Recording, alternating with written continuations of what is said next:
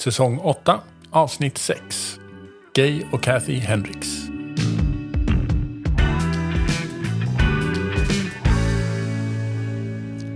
Ja, vår senaste säsong den handlade ju om en av de guldskatterna som vi har hittat hos dem, nämligen co-commitment som vi översatte till att älska medvetet. Men eh, vilka är de då? Gay, han är psykolog. Och Kathy, hon har en PhD i psychology. Eh, men framför allt så kommer hon också från en helt annan bakgrund som handlar om kroppsrörelser och dans. Eh, de har varit gifta i mer än 40 år och eh, driver The Hendrix Institute i USA. Har digitala kurser såväl som fysiska och har skrivit hur mycket böcker som helst. Ja, Gay är väldigt produktiv. De har skrivit många ihop, men han har skrivit flera böcker med andra också och massa för sig själv. Mm. Um, han gillar att skriva. Och vi är nyfikna på att gå en av deras kurser också. Men vi har inte kommit dit ännu. Ja. Och de har en bok på svenska, en liten bok. Eh, som heter Andliga relationer. Mm. Den har lite roliga grejer som vi gillar. Ja, framför allt är det en grej som jag tycker verkligen är bra. Och den handlar ju om eh, ja, alltså hur man får igång, återuppväcker den sexuella passionen ifall den skulle vara borta. Och den tycker jag är jätte, jättespännande. Ska vi, kan vi dyka in rätt grundligt i Ja, den? ja, egentligen är det väldigt enkelt. Jaha. Du får sluta ljuga. Sluta och undanhålla saker. Sluta undanhålla saker. Precis så. Ja, För det kräver energi av dig när du undanhåller saker. Det kan vara små skitsaker tycker du, men de är viktiga för du lägger energi på att undanhålla dem. Och det är inte produktivt för vare sig relationen och sen i sin tur då så smittar det vidare på den sexuella lusten. ja. Det låter ju hur lätt som helst. Att sluta undanhålla. Ja. Mm. Yeah, right. Eh, men alltså... Det är lite galet egentligen att om man inte uttalar de här sakerna, alltså om man undanhåller det så förstörs harmonin liksom direkt. Det kanske inte är så svårt att förstå, men varför hänger det här att den sexuella energin då snabbt också går ner? Ja, vad kommer de fram till där? Eller om vi vänder på det. Vi tittar på vad kan det vara för grejer som man inte eh, vill berätta om. Alltså är det allvarliga, stora grejer att man har haft en affär med någon? Eller eh, vad kan det vara? Ja, jag vill säga en sak till innan jag kommer in på de här grejerna. Men om det är så att du inte känner dig sexuellt attraherad av din partner eller om du upplever att du har svårt att sova så kan det vara värt att prova att ställa sig själv de här frågorna eller berätta det här för din partner. Så, är du redo? Ja, kan, de vanliga exemplen som de namnger här det är att jag har haft sexuella upplevelser som jag inte har berättat för dig om. Och det kan det kanske inte ens behöver vara att jag har blivit penetrerad av någon. Eller liksom, alltså det behöver inte betyda att jag har haft en affär. Utan en sexuell upplevelse kan ju lika gärna vara att jag har en kollega som flörtar med mig.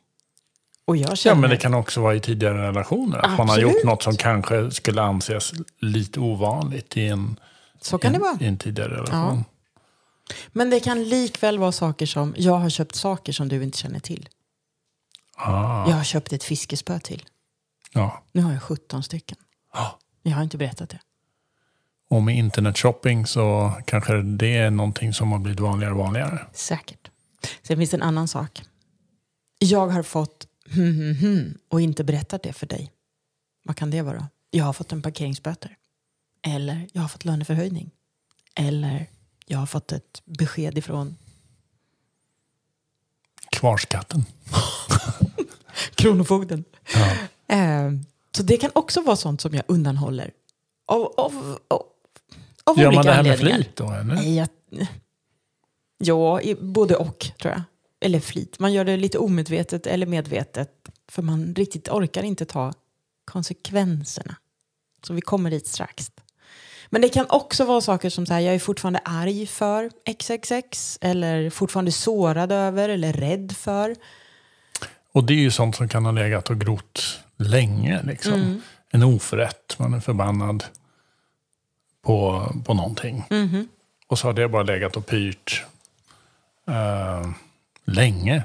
Mm. Men det är, så det är så viktigt att förstå att allt det som vi håller tillbaka här, det kan påverka den sexuella relationen negativt. Och det är inte bara det som har med sexlivet att göra. För allt de här som vi har berättat om här på slutet har ju verkligen inget direkt att göra med sexlivet. Men det påverkar.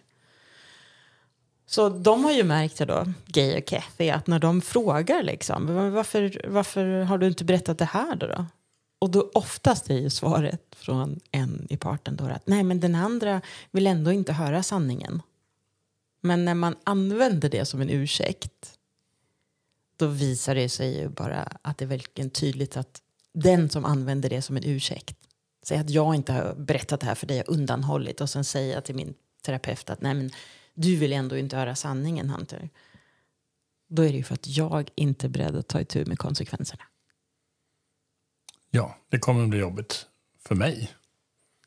Nej, det kommer bli jobbigt för mig. ju. Ja, men om det var jag som hade gjort det förstås. Ja. För att jag vet inte hur du ska reagera. Eller så tror jag att jag vet hur du kommer reagera. Och Ja. det är jobbigt. Ja. Ja. Och då är man inne i den här mindgamen igen. Att man gör antaganden och tror och förutfattade meningar om sin partner. Mm. Och då är man på väg ner i, i, i ett djup igen som inte är något vidare. Mm. Eller så är det som du frågade mig lite tidigare. Är det för att det är sådär man inte vill vara sårbar och visa det? Ja, det kan det vara. Men, men det är ju just energikrävande att undanhålla det här. Det är jobbigare än att visa sin sårbarhet. För om man skulle ta tur med de här konsekvenserna då kommer man ju också åt den verkliga orsaken till att jag undanhåller det här. Ja. Och de kan vara väldigt jobbiga att konfrontera. Ja, för det betyder ju att allting kan vara jättebra. Hela livet kan vara riktigt bra, det är det de menar. Alltså, tänk, tänk om jag inte skulle vara rädd för att berätta allt det här. Då skulle jag ju nå och kunna leva på min högsta energi och kreativitet i livet. Väldigt mycket mer. Ja, jag, jag tror ju att jag har definitivt haft ibland tankar på kan jag säga det här? Hur skulle jag säga det här till dig? Bara den, att den första tanken är, det första är att man inte säger det och gör det, utan man hamnar i någon slags inre diskussion om, Och gud vilken kraft det tar ju. ja, Helt i onödan. Ja, alltså har man en, en stabil relation så ska... Visst kan man tycka att, att sin partner är, är knäpp eller galen, men, men eh, det kommer ju inte ta slut bara för att du berättar en sanning. Nej. Och visst är det så att du liksom du är ärlig och det blir lite turbulent en stund så är det ju bara kort. Det är en kort stund det är turbulent. De, det som Kathy och Gay har sett är ju att det slutgiltiga resultatet brukar ju bli en bättre och mer stabil relation, alltså på lång sikt. Och dessutom blir det en överraskande belöning när sexlusten kommer tillbaka för sanningen inte längre måste hållas undan. Mm. Så det är små ok eller bromsar som man går och bär på inuti sig. Och så kan de ju gärna ackumuleras för att man har många av dem. Ja. Och då, då kan ju hela suget efter sex och lusten vara, vara begränsad, begränsas. Jag tänker att vi ska nöja oss där med Hendrix. Vi kommer säkert återkomma till dem i andra säsonger också. Ja. Och eh, spana in några av deras böcker och se om ni gillar dem.